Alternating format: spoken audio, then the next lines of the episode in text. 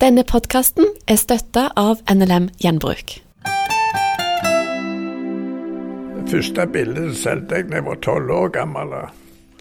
Det ble solgt og havna i Irland. Men eh, jeg har alltid tegnet og malt. Tidligere under, under den tida da når vi eh, gikk på lærerskolen, da tegnte jeg mye karikaturer. Og det har jeg tatt med meg et, et stund.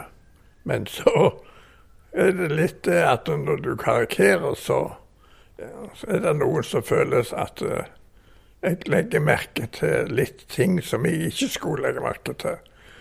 Og det uthever jeg. Og det, det har jeg følt at jeg sårte noen, og dem har jeg slutta. Og så fortalte du meg at i friminuttene så lagde du bildet òg, på litt sånn på bestilling, var det så? eller hvordan? På lærerskolen tegnte jeg mye karikaturer. Og de bestilte det i flere klasser. Og jeg tenkte da i friminuttene to, Jeg klarte to på hver friminutt. Så fire, min, fire minutter på hver bilde. Og det tok de det av og til. Noen klasser hengte de opp nederst i klassen på veggen. Som ung fikk Øystein Melhus ei skriftlig anbefaling med tanke på kunstutdanning i Oslo, men det blei læreryrket. Ja, jeg gikk på malerkurs hos Erik Haugland i mange år om kveldene. Og han skrev ut en uh, anbefaling for meg, for han var snakk om å begynne på, på akademi i Oslo. Så han skrev en anbefaling for meg. Men eh, jeg ble ikke rolig for det, og ble helt rolig for at jeg skulle heller søke på lærerskolen. Og det tror jeg var et veldig lurt begrep, for jeg, jeg har trives der som lærer. Og, ja, som lærer, ikke som rektor. Rektor så ble det så mye møte, og, og jeg malte, og det passet ikke i hop. Så jeg gikk tilbake som, som lærer de siste åra på Trone skole. Og så gikk du på Stavanger kunstskole. Vi var ti, en ca. ti stykker som kom inn. Og der gikk jeg da fire seksjoner. Og det var hver dag det, fra mandag til fredag. To timer om kvelden. Og kanskje litt mer enn det òg. Denne tida på Stavanger kunstskole, ja. Eh, hva gav den deg eh, av input for å fortsette? Den ga meg veldig lite for det var kokketegning. Og det hadde jeg ikke bruk for. For det var ikke det, den linja jeg ville inn på. Jeg ville på, inn på naturen. Men jeg lærte å se og tegne, og rett og slett rett og slett finne kunne gjengi. Det lærte jeg der. Kona di nevnte òg før eh, intervjuet her at, at, det var noen år du ikke malte, og så du, tok du det opp igjen da litt utpå? Det stemmer, det. De første åra så så ble det lite maling. Jeg gikk på Drottingborg. På, på handelsskole? På handelsskole Drottingborg ett år og begynte på kontor. Og da malte jeg ikke. Men det, det passet ikke meg. Da, da jeg fant ut at uh, læreryrket får prøve å komme inn der. Men det var et nåløye, for jeg hadde ikke gymnaset. Så vi var 169 som møtte opp på lærerskolen for 30 poster. Så du har kombinert eh, det å være kunstner med læreryrket. Hvordan har den kombinasjonen vært?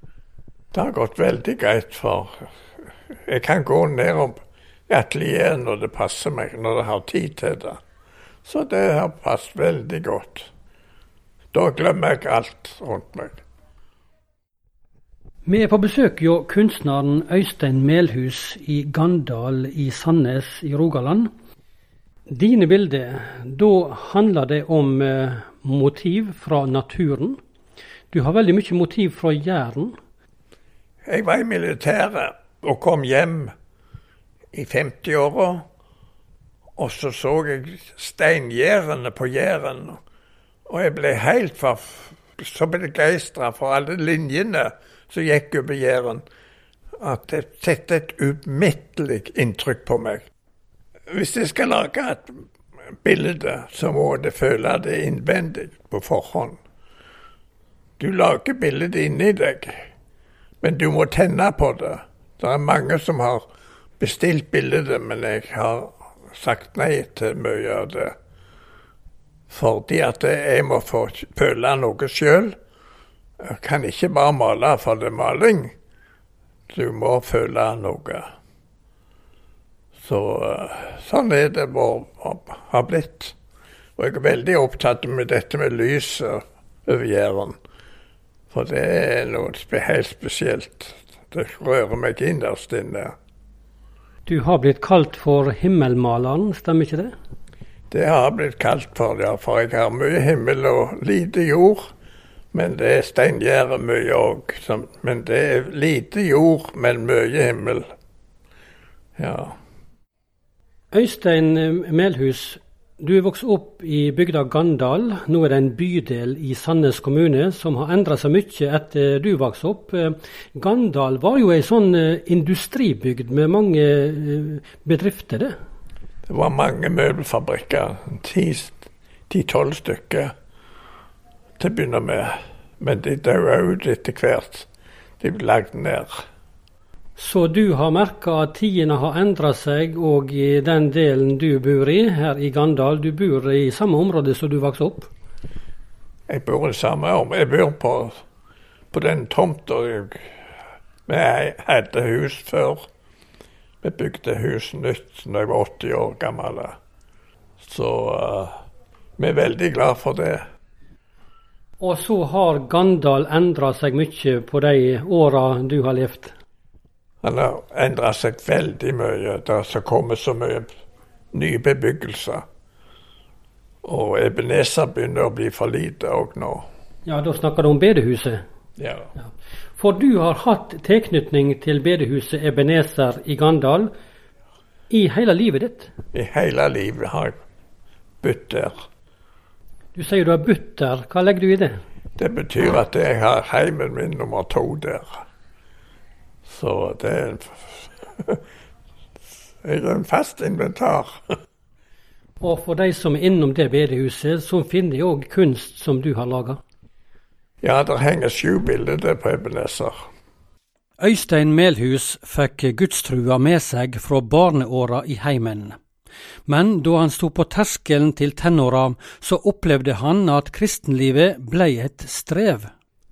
Jeg tror jeg var som idealist og de kunne ikke, tror ikke de kunne peke på noe spesielt på meg. For jeg prøvde hver morgen å leve som en kristen.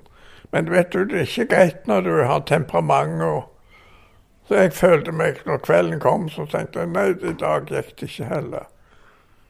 Så fikk jeg en natt, en, en opplevelse som er vært spesiell. Jeg fikk se inn i himmelen. Jesus kom igjen. Og jeg så at far og mor og søster mi der var så til bords i himmelen. En fantastisk himmelhvelving over det. Og jeg var utenfor. Og jeg var veldig spent på Er jeg alene seg igjen? Eller har Jesus fremkommet, og jeg sitter, ligger her i senga? Og jeg lytta på meg, jeg hørte mor og far og de andre. Jeg hørte ingenting. Så åpna jeg, dro jeg ned gardinen og kikket ut om det var noen som gikk på veien. Men det var stilt. Men så hørte jeg det klirre på kjøkkenet. og tenkte å, da er ikke Jesus kommet. Da har det vært en drøm. Og så ropte jeg på mor når jeg gikk. Og hun kom med Bibelen og leste disse gode ordene som trøst at ikke Jesus har gjort. Og da kom hun til det verset i Esaias 43. Frykt ikke, jeg har gjenløst deg, kalt deg ved navn, du er min. Men jeg oppfatta det galt. Jeg kunne bli av hans hvis jeg fikk det til. Så leste hun det igjen. Og leste det igjen med navnet mitt. Så sa jeg 'Hva var det du leste, mor?' Så leste hun det for fjerde gang. 'Frykt ikke, jeg har gjenløst deg, kalt ved navn. Du er min. Jeg er. Og du verden for et lysglimt. Skjold som datt for øynene mine. Jeg så jeg var fri. Jesus hadde gjort alt. Jeg trengte ikke streve lenger. Og det var fantastisk. Den største dagen i mitt liv. Og den har jeg levd på nå. Jeg har levd på det Jesus har gjort alle disse åra. Dette var rett før du fylte 13 år? Det var ti dager før, den 20. april i 44. Så denne her opplevelsen du fikk i møte med de bibelord som mor di leste, de fikk skjellsettende betydning for deg? Ikke bare da. Jeg må gå tilbake til ordet. En har ingen annen plass. Jeg må gå til Bibelen og så se hva det står. For Jesus har sagt masse ting der. Og det er et trøstens ord til oss som har et mål i sikte. Så bruk Bibelen, men ikke bare les den, men grunn på ordet. For det, det gikk fire Mor måtte lese fire ganger før det gikk opp for meg at Den hellige ånd lyste ordet for meg. For det må lyses for oss. Skjellet må tas vekk fra øynene. For dette er ikke logisk, at vi får alt gratis. Det er vondt for naturen. Dette var i unge år. Nå du, har du passert 88 år. Jeg har passert 88 år nå, ja. 88 i et halvt år. Og jeg vet ikke hvor mange dager jeg får i takt, nemlig for hver dag som går. Og jeg har det godt så lenge jeg er i ro. Men hvis jeg gjør aldri så lite, så, så er det problem med, med pusten. Jeg har jo hjertet til å slite med. Etter at Øystein var ferdig utdannet lærer, gifta han seg med si Jofri i 1957. Det ble noen år på flyttefot for det unge paret, før de kom tilbake og bosatte seg i Gandal i 1961, der de fortsatt bor. På bedehuset Ebenezer ble det en del år som leder i yngresarbeidet for Øystein og da kunne det bli folksomt på yngreskveldene, minnes han nå. Vi var oppe i 130 i yngresmøtene, og da måtte vi dele gruppa i to. Så altså opp i 130 på yngresmøtene. Hvordan eh, opplevde du å være yngresleder på den tida der? det var både òg for en skoleleder og skulle holde orden. Og jeg måtte hente, jeg måtte ta et par karer ut så, og etterpå skulle du gå opp og tale. Det var sannelig ikke greit. For vi drev rett og slett forkynnelse. Vi hadde ikke noe lek og noe sånt. Men det var rett og slett møte vi hadde. Vi skal tilbake til en historie fra Øystein Melhus sine barneår i Gandal i Sandnes. En eh, by kjent for sykkelfabrikken til Jonas Øglen. Øystein var i åtte-tiårsalderen og hadde spart penger til å kjøpe sin egen sykkel. Og vet vi gutta og jeg var veldig sånn litt kvikke av meg og, og, og, hadde eh, lyst på sykkel. Og da hadde jeg samla For vi hadde ikke så mye økonomi, for far brukte mye på misjonen. Så vi hadde ikke så mye råd, så jeg fikk beskjed om at jeg måtte spare sjøl. Og jeg sparte og prøvde å samle så godt jeg kunne. Jeg hadde samla opp 175 kroner og skulle kjøpe sykkel. Men så var på et av møtene var det en misjonær som fortalte om hva nøden var. Og da Jeg lå til sengs da hadde vært syk når misjonæren bodde hos oss da i den tida. Og så ropte jeg de inn og sa det at pengene må gå til misjonen. Ta sykkelpengene. Nei, sa far. Jo, sa jeg. Jeg kan få sykkel en gang en annen gang. For her trenges det andre som trenger mer penger enn jeg. Men far han ordna det med å kjøpte en gammel ramme, og så leverte inn til Øglen, og den fikk lakkert og, og fikk ordna til som sykkel. Så jeg fikk en sykkel, om han var gammel. Men det var greit nok. Sykkel, det måtte jeg ha. Og de 175 kroner som du hadde spart til sykkel, som åtte-ti år gammel gutt, eh, de gikk altså til misjonen, de? Ja, det gjorde det, men jeg delte det opp i Jeg husker nå at jeg delte det opp i, i tre, men jeg husker bare to av dem. Jeg husker at 25 kroner skulle gå til Tryggheim. Og så var det De andre skulle gå til misjonen der. Men det med misjonen, å drive misjonen og fortelle andre om eh, Jesus Kristus, det har vært viktig for deg hele livet, det? Ja, men jeg er ikke volontærlærer der, men jeg har hatt mange klasser i kristendom. Veldig mange klasser. For jeg setter meg til kristendom, for jeg har utdannelse i kristendom òg. Så da var det på den tida det var kristendomsundervisning i skolen på en litt annen måte enn nå, kanskje? Aldeles. Men du har vært opptatt av misjonen. Hvorfor syns du at det har vært viktig? Når du har opplevd å bli fri og frelst, så vil du at andre skal, se, skal oppleve det samme. For vi har jo tenker på at vi har en evighet der det er to veier. Det er ikke bare én vei. Og Jesus har sagt det. Ingen kommer til Faderen uten ved meg. Vi må om Jesus. Vi må om soningen. Det er ingen vei utenom. De kan dikte den, lage sin egen kristendom som mye de vil, men de når ikke fram med det. For Jesus har sagt det, og da er det sant. Det er mange bilder fra kunstneren Øystein Melhus som har blitt solgt på julemesse. Det er snakk om en del hundre bilder du har gitt til julemesser rundt forbi?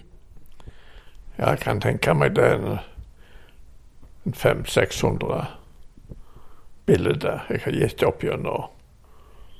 Og det blir kollekt for meg òg, for jeg har lagt ut for bildene både ramme og, og listverk og lerret. Pensler og maling og alt. Hva har det betydd for deg å bruke kunsten på denne måten, og, og til støtte for misjonsarbeid? Det har vært en glede for meg. Og jeg gjør det med stor, stor glede.